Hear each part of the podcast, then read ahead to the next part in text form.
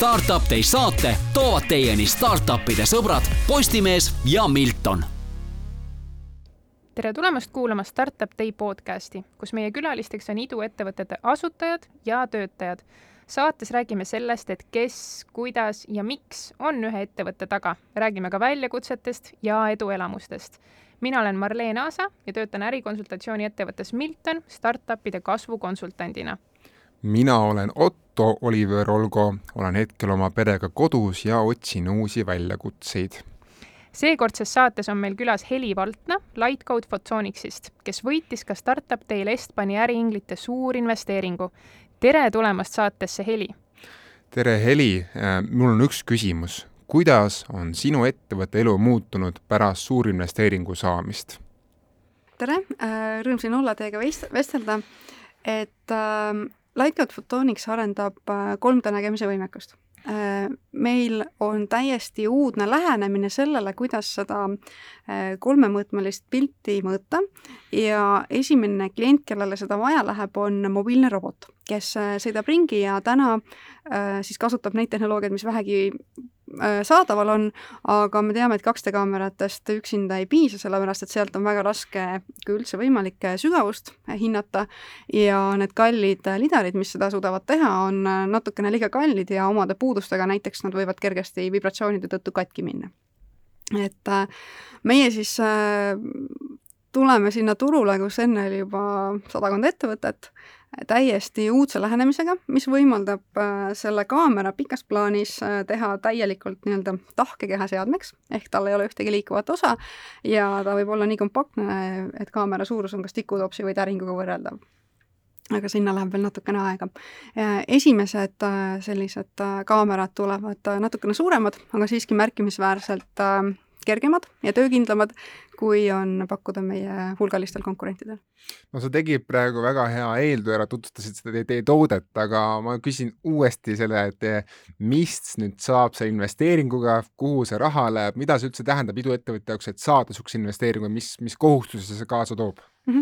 see on osalusinvesteering ehk äh, me väga suure rõõmu ja tänutundega tervitame siis Estbani äriingleid äh, meie osanike ringis mida see tähendab meie jaoks, on see, et äh, praegune ajastus on, ma ütleks, ideaalne, sellepärast et me olime just äh, käivitamas ja selle siis investeeringu toel saame seda teha väga kindla käega omaenda kiibiarendust ehk praegu äh, viimased äh, kaks aastat äh,, kus siis Lightcode Photonics on olnud ettevõte, me oleme töötanud selle nimel, et sellisest laborilaualt suure kohvritäie jagu tehnoloogiat pakkida võimalikult kompaktseks, soodsaks ja teha ta tooteks mm. -hmm. Ja nüüd see on esimene põlvkond, mis kasutab nii-öelda riiulis olevaid seadmeid, mida on väga lihtne osta millest on lihtne kaamerad kokku panna ja nüüd äh, aga meil on olemas ka patent, mis äh, ütleb, et me tegelikult saame selle tehnoloogia, mis täna on sellise võib-olla noh, umbes liitrise mahuga, mis on juba väga väike ja väga konkurentsivõimeline, äh, pakkida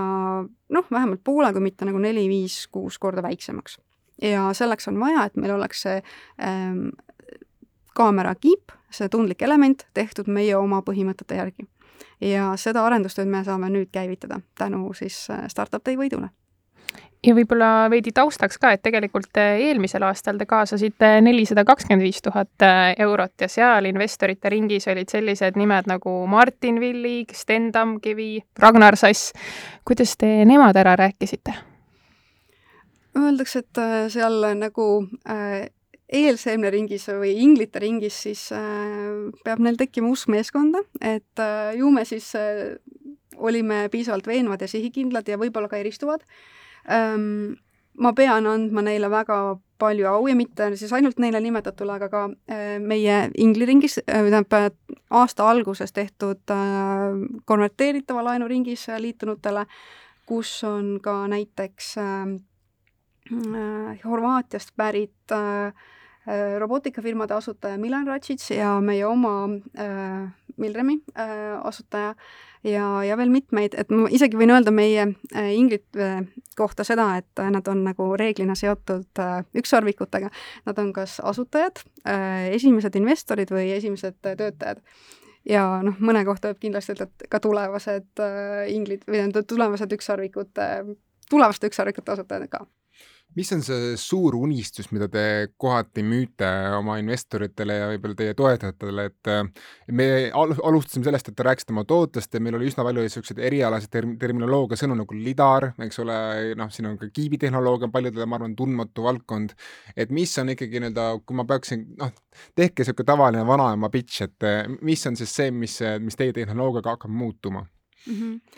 no täna, kui me mõtleme sellise roboti peale, et äh, kuidas võib see robot ennast tunda, kui ta on uues keskkonnas ja talle antakse ülesanne näiteks, et mine vii see pakk punktist A punkti B. et ma olen ise olnud äh, siis autonoomia arendaja, ma näen, olen näinud seda köögi poolt ja see oligi tegelikult inspiratsioon, miks seda äh, 3D nägemise tehnoloogiat arendada.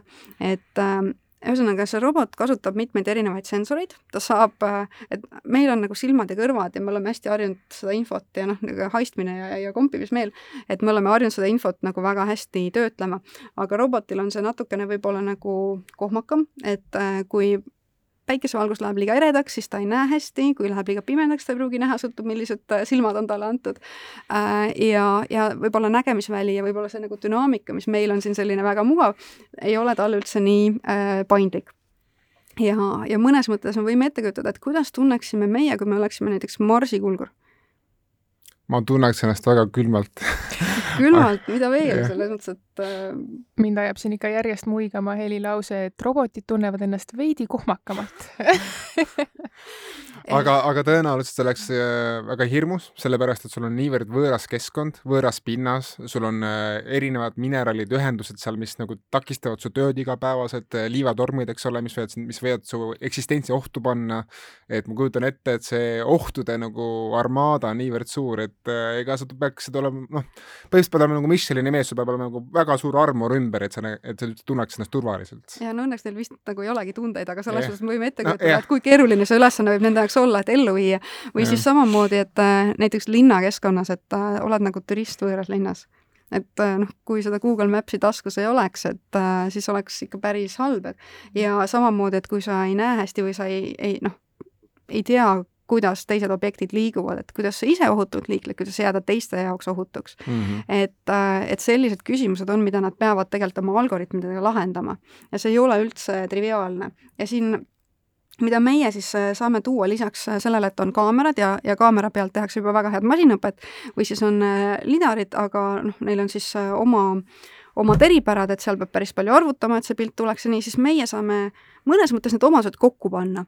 et äh, meie 3D kaamera äh, vaatab natukene nagu seni harjumuspärane 2D kaamera meil telefonis mm. -hmm. et tal on fikseeritud kaader, et noh, alternatiiv on see, et muidu skaneeriv lidar mõõdab kogu aeg uuesti oma kaadrit ja ta ei tea isegi, kus see kaader algab, kui ta seda ei arvuta ja siis see võtab jälle päris palju energiat ja ressurssi et äh, meil on siis selline fikseeritud kaader ja noh, lõplik unistus, kuhu me tahame jõuda võib-olla kümnendi lõpuks mm, -hmm. ongi see, et äh, miks mitte äh, või noh, me teame, et see on võimalik, äh, me teame, missugused pikad tehnoloogilised hüpped on vaja selleks teha, aga meie 3D kaamera või siis meie lightcoded Zoomi võimekusega kaamera võiks olla seal nutitelefonis siin on palju terminoloogiat olnud, et teeme kohe saate alguses selgeks, et mis asi on lidar. Lidar on ähm, selline seade, mis äh, saadab välja väikeseid valgussähvatusi ja mõõdab aega, kuni see valgus tagasi jõuab.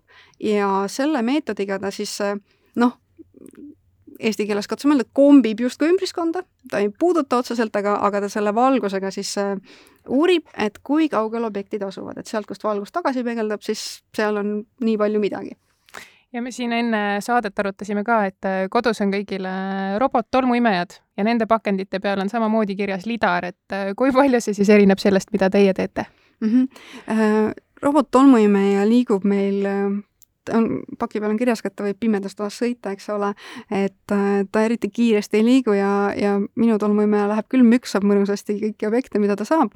et, et kusjuures mul oli ka, ma pean nüüd korraks nagu rändima, et ma sain lidarkaameraga robotolme ja ta ei, ta ei saanud üldse aru, kus ta on ja mis ta teeb, et nagu, et ma olin nagu väga pettunud ja ma ei ütle, ma ei ütle selle toote nime, aga, aga ma, ma korraks kaotasin usu robotolminetesse pärast seda.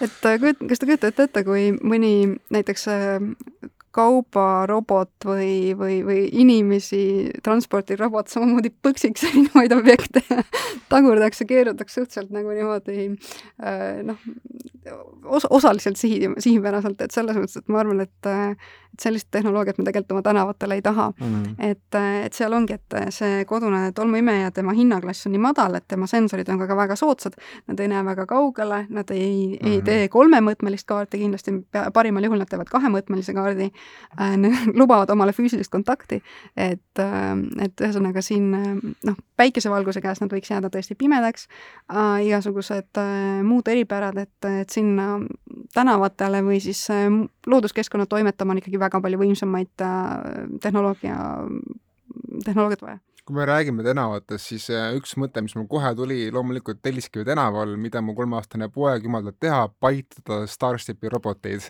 et kas Starshipi robotite kaameratel ja teie kaameratel võiks olla tulevikus mingisugune koostööpunkt või pigem on, on see natukene ikkagi, te lähete teises suunas? jaa, me töötame selle nimel, et äh, Starship äh, saaks panna Lightcloudi kaamerad peale tulevikus. Aga lähme ajas natukene tagasi, et eh, tahaksin väga teada ja uurida, et eh, kes on Heli ja kuidas sina oled selleni jõudnud, et eh, vaatasin sinu tausta, et sa oled Tartu Ülikooliga seotud juba bakalaureus, magister, sinu doktoritöö ja sinu ettevõte ongi ka Tartu Ülikooli spin-off, et lähme kerime ajas tagasi, kust see kõik alguse sai mm? -hmm. Uh noh, kõige varasem punkt on vast see, kui ma tudengina läksin optikalaborisse ja, ja hakkasin uurima valgust. Äh, ja siis me võime nüüd teha mõnusa pika hüppe edasi, viisteist kuni seitseteist aastat. Heli, ma korraks hüppaksin ajas veel tagasi, enne kui sa lähed hüppad ajas edasi, et äh, miks sa läksid optikalaborisse noore tudengina? Mm, küsi, miks ma füüsikat õppima läksin? jah, põhimõtteliselt, põhimõtteliselt küll, et äh, kus sul see nagu huvi tärkas või, või millest see nagu otsus tuli? Keskkooli lõpus kahe, seal tuhat üheksasada üheksakümmend üheksa ja kaks tuhat, seal oli hästi populaarne, et inimesed läksid õppima majandust ja ja ärijuhtimist ja mida kõike. no näed, ma ei ole millestki ilma jäänud et äh, füüsika pealt oli hea nagu ümber orienteerida. aga äh, mind füüsika juures äh, paelus see võimalus maailma mõtestada et äh, tegelikult iga ju süvitsi minev asi, ka ajakirjandus teeb seda omal moel mm. -hmm. et, äh, et mina olen teinud seda lihtsalt äh, läbi mudelite ja Newtoni seaduste ja, ja sarnaste asjade. ja olen seda väga nautinud. see oligi selline natukene nagu südamärgi otsus, et ja kui mm -hmm. ma mhm. nüüd olen jälginud ja ise ka küsinud omalt küsimusi, et miks, miks midagi on õnnestunud või miks ma midagi teinud olen, siis selline nagu asjade toimimise lahti mõtestamine, nendest arusaamine ja selguse loomine on olnud läbivad jooned noh, igas asjas. kui sa kunagi teed äh, konsultatsiooni ära, siis ma paneksin, et heli, loon selgust aga hüppame nüüd ajas edasi, et sa läksid optikalaborisse, mis siis äh, pärast aastaid edasi sai mm? -hmm. Uh, no me seal tegime valguskuulamist, lendavad kiiremini kui valgus ise ja noh, sedasi mm -hmm. muidugi, eks ma sinna praegu detaili ei lähe, aga, aga me saime teadlikuks ka erinevatest põnevatest kuvamistehnoloogiatest ja meil oli kaks tuhat neli aast-, ei, kaks tuhat neliteist pidi olema ei, kaksteist, ühesõnaga tükk aega tagasi, kümmekond aastat tagasi, oli üks väga äge bakalaureuse tudeng, kes täna on äh, Zürichis ETH-s teeb doktorantuuri ja ehitab kvantarvutit. ja tema tuli ja ütles, et äh, näete, siin on selline äh, artikkel äh,, kus on uuritud hästi ägedat äh, sellist nagu kummituslikku kuvamisprintsiipi. ja siis me juhendasime tema, noh, me ise töö käigus õppisime, juhendasime tema bakalaureuse tööd ja siis me saime teada, et on võimalik ehitada selline seade, eh, kus sul on detektoril üksainus piksel. aga siis sa seal teed nagu eri, ehitad oma optilise skeemi niimoodi üles, et sa saad selle ühe ainsa piksliga mõõta noh, kas või tuhandeid piksleid, kui sa tahad. Äh, ja, ja sellel siis, äh, ka see valdkond oli suhteliselt uus ja see arenes edasi ja nüüd äh, meie kaamera aluseks ongi üks selline äh, nagu põhimõte, et kuidas siis äh, tõsta selle äh, detektori enda lahutusvõimet mm -hmm. ehk efektiivset pikslite arvu. ehk ja noh, me oleme seal seda mitmete erinevate asjadega kokku pannud, näiteks ka kuidas tehakse neid sensoreid, detektoreid, mis suudavad siis mõõta ära selle lennuaja ja tuleb välja, et äh, need ongi seda tüüpi detektorid, kus on vähe piksleid. ja neil, noh, neil mõneks ajaks äh, praegu jääbki neid piksleid väheks, sellepärast et seda lennuaega mõõdab üks väga spetsiifiline tillukene kell selle ränikiivi peal ja see kell on äh, mõnevõrra suurem kui see piksel mm -hmm. ja ta võtab äh, omajagu energiat äh, ja selleks, et seda arvutust teha, mida ta teeb äh,, tuleb sealt ka päris palju soojust. ja nüüd äh, me juba näeme, et need kaks tehnoloogiat, et see, mis suudab seda kolmandat mõõdet ehk lennuaega mõõta ja siis vähe piksleid ja siis pikslite arvu tõstmine või lahut-, efektiivse lahutusvõime tõstmine aitab üle äh, sellest tehnoloogia pudelikaelast et juhtumisi äh, meie siis äh, ühe asutaja teadmine nendest äh, footonilennuaja mõõtmistest ehk detektoritest, algoritmidest, kuvamisprintsiibist ja siis sellest turuvajadusest, kõigi asutajate toodud selline nagu ähm, teadmine paneb kokku sellise täiesti uudse terviku, mis aitab meil siis teha uutmoodi kiipe, mis näevad kolmemõõtmeliselt korraks äh, tuleksin siia asutajate juurde tagasi, et äh, räägi meile natukene, et äh, kes on ettevõtte asutajad ja kuidas te kõik omavahel kokku saite mm? -hmm. asutajad on siis Sergei, Andres ja Jan ja mina ja me saime kokku ähm, noh, Andrest ma tundsin juba varem, me olime temaga samas laboris, meil oli hästi väike labor, kus me siis tegime oma erinevaid valguskuule, mina tegin neid valgusest kiiremaks, Andres saatis neid ümber nurga, et noh, selline meeskond. siis ähm, Äh, kaks tuhat seitseteist aastal tuli meie juurde üks kolleeg äh, kõrvalt instituudist ja ütles, et oh, äh, ühe meie ettekande peale, kus me siis refereerisime kolleegide värsket tööd, ütles, et me tahaksime ka seda eksperimenti siin teha, sellega masinõpet, et kas te saate seda seadet meile teha? ütlesin, okei okay,, muidugi saab. ja noh, optika osa oli nagu meie jaoks väga lihtne ja käepärane, aga siis meil oli vaja neid äh, lennuaegasid mõõta. Ja siis me leidsime teisest laborist Sergei, kes oli kogu aeg terve oma elu lugenud footoneid ja siis neid niimoodi mõõtnud, kui, kui kaua nad on lennanud. Äh, ja siis me tegime sellise varase eksperimendi ja siis varsti pärast seda tuli meie juurde Jan, ütles, et äh, noh, kes oli ka meie nagu seltskonnaga väga tihedalt seotud, ta oli, ütles, et ma tahan ehitada lidarit okei okay,, teeme siis lidari.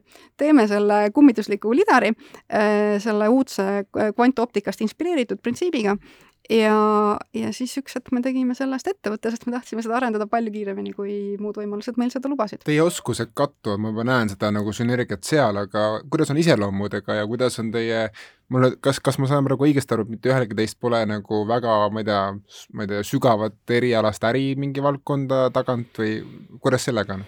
Jah, me oleme selles mõttes nagu teadmisteta lähedased Mhm. Õnneks noh, päris mitte ei kattu, aga me leiame sama keele.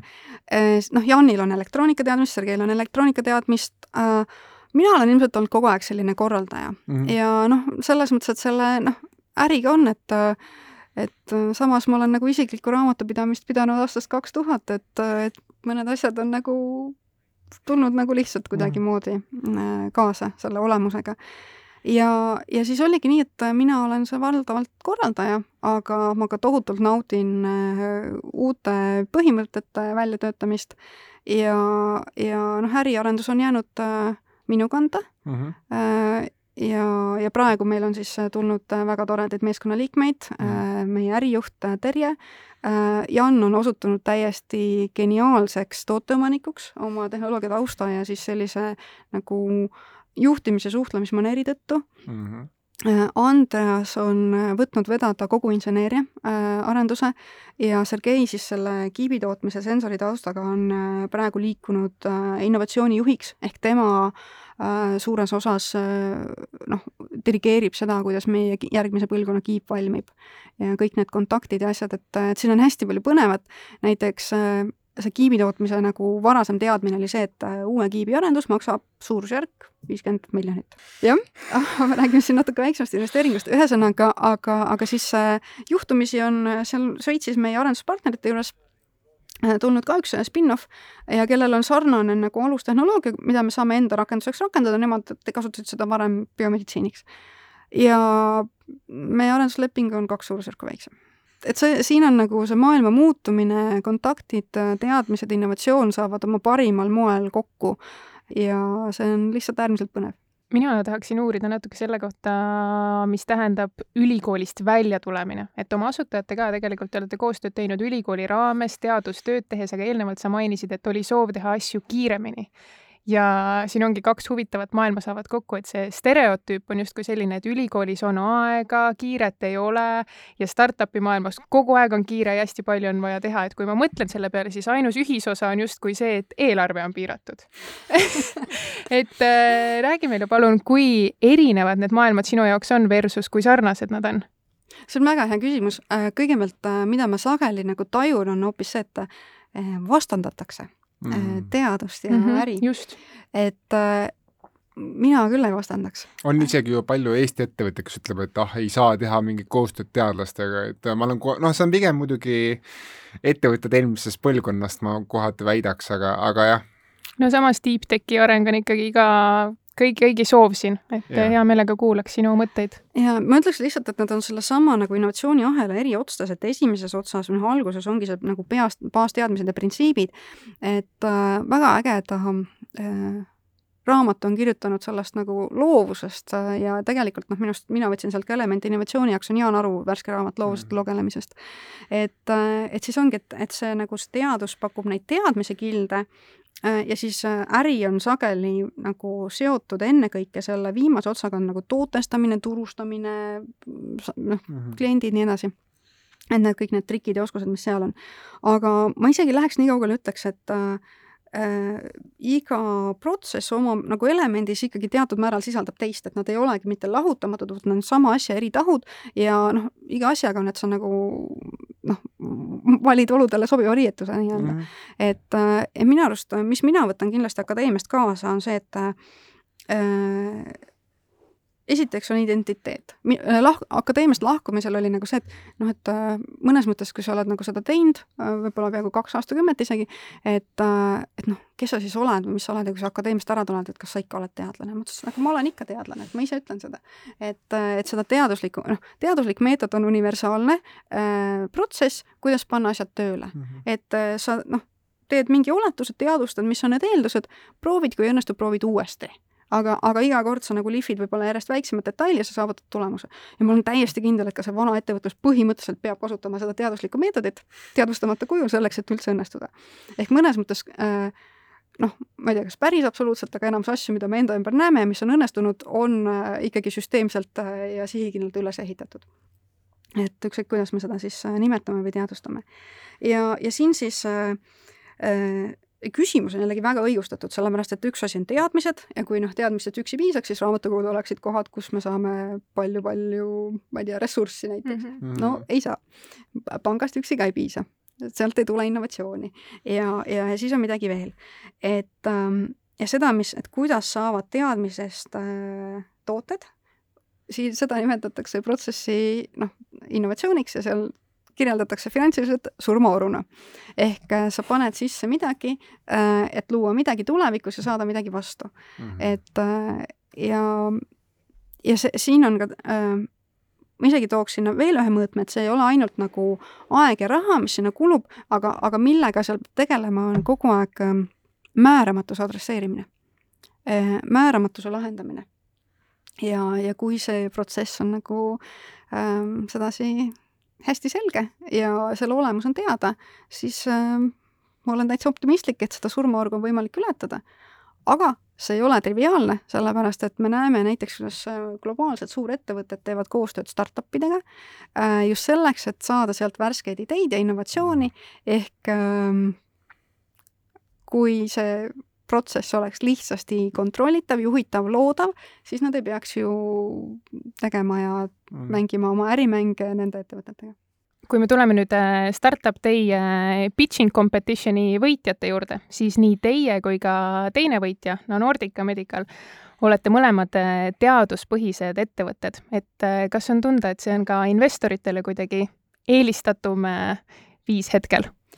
on tunda teatud äh trendi nihkumist võib-olla SaaS mudeli juurest, selles mõttes, et on ju selge, et noh, toimub üks, et juhtub küllastumine, aga samal ajal ma ei ütle, et see oleks nagu liiga lihtne vahendeid kaasata selles äh, faasis, sellepärast et meie juhtum näiteks on küllalt eripärane. me kaasasime oma ingelinvesteeringut kakskümmend kakskümmend aasta lõpus, kus meil oli tegelikult alles äh, noh, ma ütlen nagu äh, esimene kontseptsiooni tõestus laual. ehk kui me võtame siin selle nagu innovatsiooniskaala, mida nimetatakse äh, tehnoloogia valmiduse astmeteks, me olime seal kuskil kolme-nelja juures.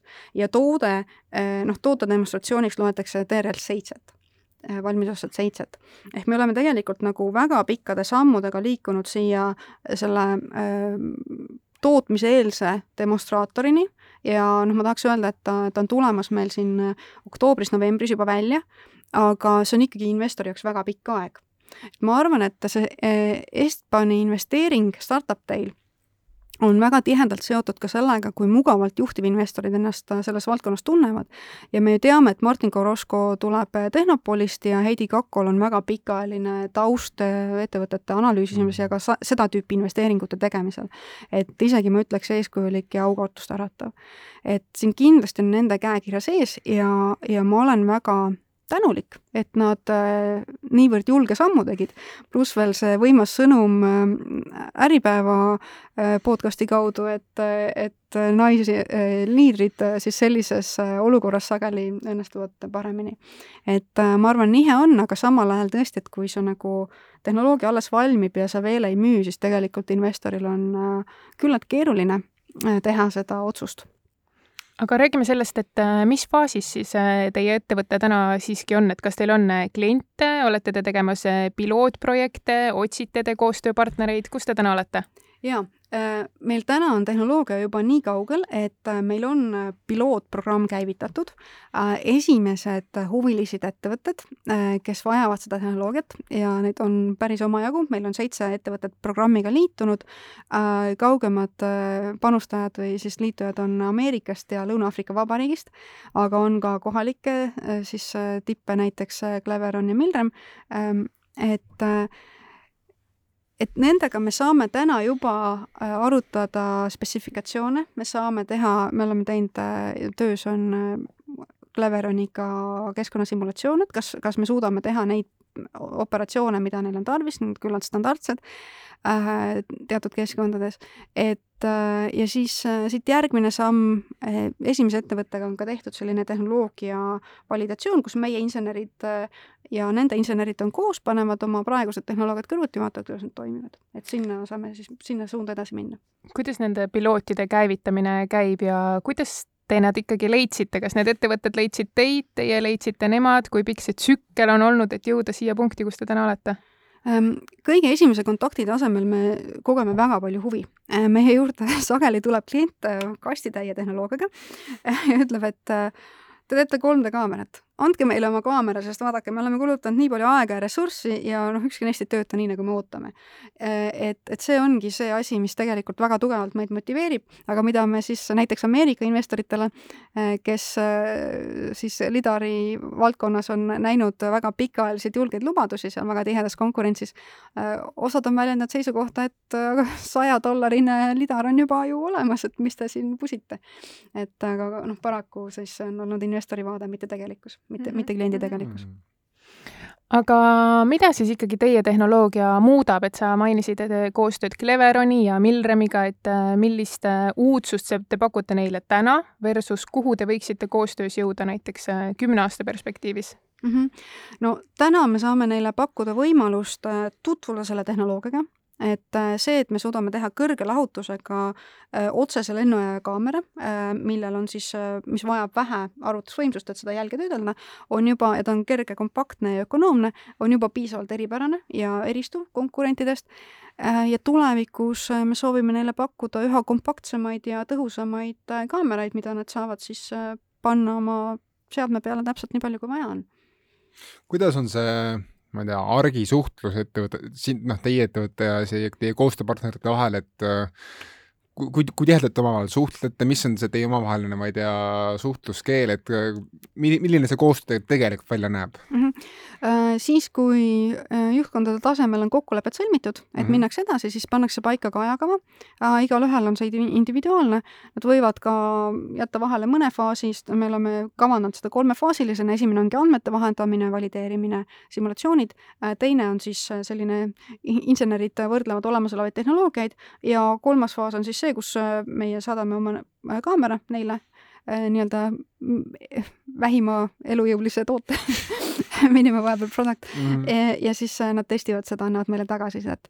et aga siit edasi ma näen ka seda perspektiivi, et noh, meil on juba nimekiri uutest featuuridest, mida me tahame arendada ja, ja seal on see kliendisuhtlus hästi oluline mm., et missugust rakendust nad näevad võib-olla võimekusele, mida keegi teine ei olegi pakkunud varem ja mida nad ei oska küsidagi me hakkame oma saatega jõudma täna lõpupoole ja ma tahaksin küsida, Heli, et äh, millest sa unistad, kui sa mõtled enda ettevõtte arendamise peale ja mis nüüd järgnevates, äh, järgnevate kuude jooksul võiks äh, juhtuda, et mis unistused sul on?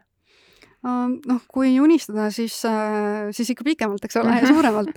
aga siin on see, et minu arust on hästi lihtne seda tehnoloogiat arendada ja, ja ka kaasamõtlejaid leida, sellepärast et selle tehnoloogia võimekus on nii suur eks see on midagi suuremat äh, kui ma ise või kui meie meeskond üldse kokku.